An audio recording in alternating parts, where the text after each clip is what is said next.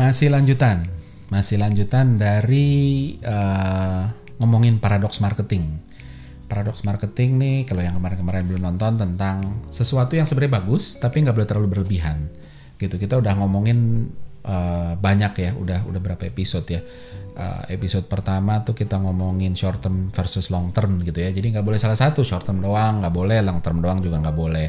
Terus uh, ya dan gimana ngebalance Yang kedua adalah uh, kalau dalam research, dalam ngegali consumer insight harus ngebalance kapan kita capture eksplisit, kapan kita menggunakan yang implisit gitu. Dua-duanya juga sama sama pentingnya gitu ya. Yang ketiga tentang systematic consistent versus dynamic random. Jadi kapan kita harus berpegangan uh, melihat bahwa oh ini bakal bakal konsisten nih secara sistematik makanya diterusin dan kalau nggak konsisten tuh nggak boleh itu juga jangan. Tapi juga kapan ini sebenarnya sesuatu yang uh, dynamic dan random gitu. Terus uh, di episode kemarin kita ngomongin soal attention dan memory. Ini pen, apa ya lagi rame banget bukan rame ya tapi ya kayak ngetren aja anak, -anak sekarang marketer sekarang senangnya cari cari perhatian caper. Jadi attention yang didorong gitu kan tapi nggak bangun memori nggak ini. Jadi itu juga hati-hati. Nah episode sekarang, episode kali ini kita ngomongin soal uh, ini sebenarnya ilmu lama, tapi masih aja ada yang salah gitu kan tentang novelty versus konsistensi. Gitu kan. Novelty apa sih? Novelty itu kebaruan gitu. Hal yang baru, konsistensi itu hal yang lama dan terus masih dilakukan gitu kan. Uh, ini ya balik lagi kayak tadi saya bilang gitu, ini korbannya banyak banget, banyak banget gitu kan. Uh, paling sering tuh biasanya di desain. Dalam hal desain marketing kan pasti ada orang uh, ada orang kreatifnya ada orang desainnya bikin uh, desain material bikin logo bikin layout bikin apa pun itu ya. Uh, desainnya boring gitu ya. Dibilang ah desain lu boring gitu-gitu lagi warna kok itu itu lagi. Kenapa harus merah terus sih? Kenapa nggak boleh ganti sih? Ganti aja lah jangan bosen gitu kan. Logo juga jangan ditaruh di kiri atas terus gitu. Pindah-pindah aja nggak apa-apa. Kadang di tengah kadang di sini dan sebagainya gitu kan. Terus habis itu artisnya juga jangan yang modelnya gitu-gitu terus. Kadang-kadang kita harus coba yang lain dan sebagainya gitu. Jadi ada satu satu pihak yang ini aja udah ada pihak. Satu tuh maunya konsisten yang satunya maunya buat ganti gitu kan. Jangan konsisten boring gitu ya. Nah terus akhirnya uh, bikin yang selalu beda gitu kan. Warnanya beda gitu kan. Terus abis itu uh, penempatan logonya juga pindah gitu kan. Uh, tipe fontnya juga dirubah Uh, terus bahkan gaya komunikasinya dirubah tadinya formal sekarang jadi lebih casual gitu kan. Terus bahkan ikut tren mulai mulai ikut ikutan tren gitu kan. Walaupun kita tahu tren itu kan berubah berubah terus ya gitu. Jadi uh, ya itu akhirnya ada aja yang begitu gitu. Terus tapi di sisi lain juga ada yang super kaku gitu. Semuanya harus sama gitu kan. Seragam gak boleh ada yang beda beda dikit. Wah nggak boleh gitu kan ditolak dan lain sebagainya. Karena kita harus konsisten konsisten itu penting dan lain sebagainya gitu kan. Nah untuk bisa ngerti kapan kita harus konsisten, kapan kita harus uh, ngedorong novelty, mungkin kita perlu bahas dulu dari uh, bagaimana otak manusia kerja gitu ya. Otak manusia itu kan sebenarnya uh, menyukai keduanya. Jadi justru yang disuka disuka orang lain itu dua-duanya gitu. Novelty yang uh, yang juga konsisten gitu. Artinya kalau terlalu novel juga berbahaya, kalau terlalu konsisten juga berbahaya. Berbahayanya di mana? Kita bahas dari sini dulu. Pertama, otak manusia itu goal program paling dasarnya survival, seek pleasure sama avoid pain. Seek pleasure itu apa sih? Ya, mencoba hal baru. Ketika kita coba hal baru, itu ada dopamin hit yang yang muncul, ada ada hormon bukan ini, dopamin tuh anyway bukan hormon kebahagiaan ya. Dopamin itu hormon uh, yang muncul ketika kita punya ekspektasi positif terhadap sesuatu gitu. Jadi ketika kita nyoba hal baru, itu otak langsung punya ekspektasi, wah ini harusnya keren nih, bakal seru nih. Nah itu dopamin keluar gitu ya. Nah ada harapan, ada ekspektasi gitu kan.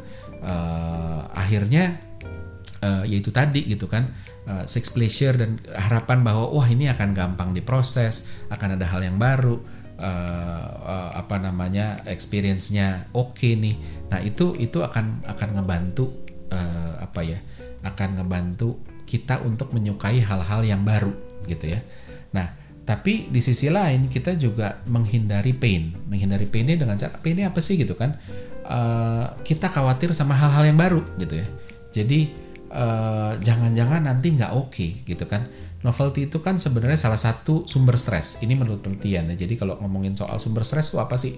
Uh, ada dua yang sebenarnya uh, uh, rumusnya tuh nuts n itu uh, novelty gitu kan u-nya itu unpredictable uh, t-nya saya lupa apa s-nya itu sense of control gitu jadi uh, dari dari empat ini paling enggak ya, itu tadi hubungan novelty ketika novel jadi unpredictable gitu. Oh T-nya itu threat threat of the ego gitu kan. Mengancam ego kita. Itu kita abaikan aja.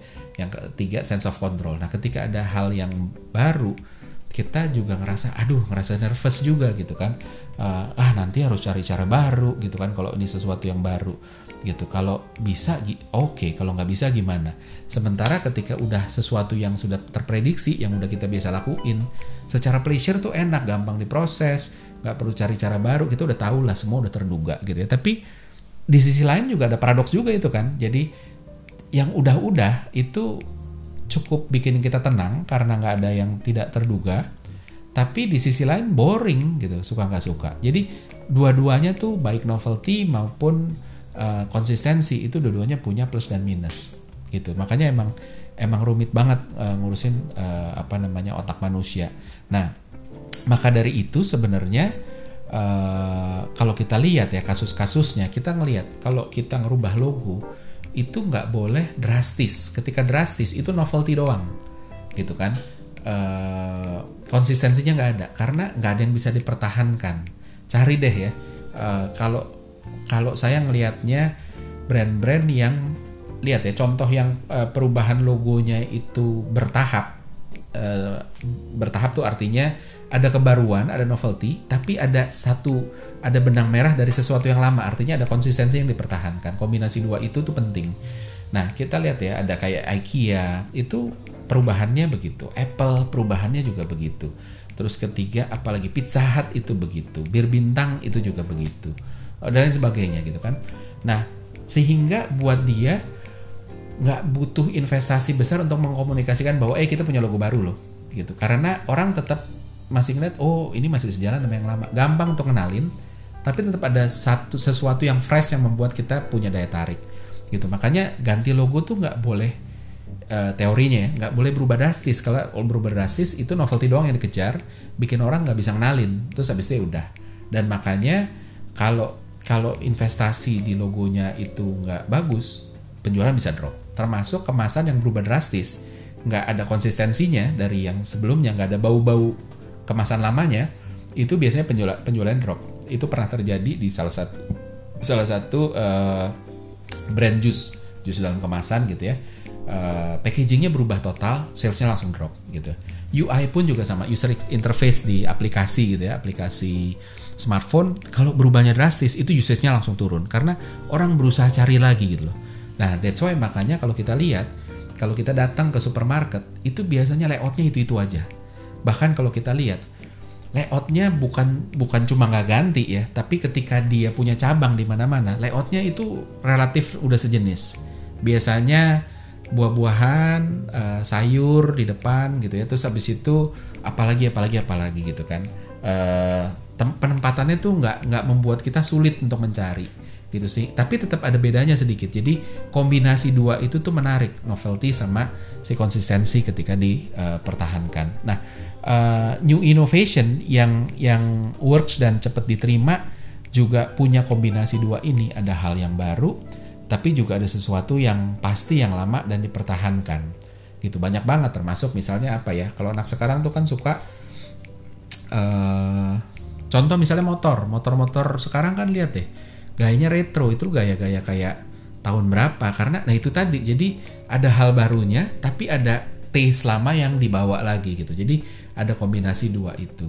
Uh, selalu selalu selalu kombinasi dua itu yang membuat kita jadi optimal secara pleasure-nya akhirnya gitu. Karena pleasure-nya tetap terbawa tapi pain-nya nggak nggak nggak muncul karena eh masih ada yang konsisten loh yang kita pertahankan gitu nah kalau kita lihat juga iklan series iklan serial itu juga akan lebih bisa orang ngerti lebih lebih bisa bikin orang mengerti ketika ngelihat iklan yang berseri ketimbang yang cuma satu. Kenapa? Karena dalam iklan seri itu pasti konteksnya berubah atau adegannya berubah gitu ya.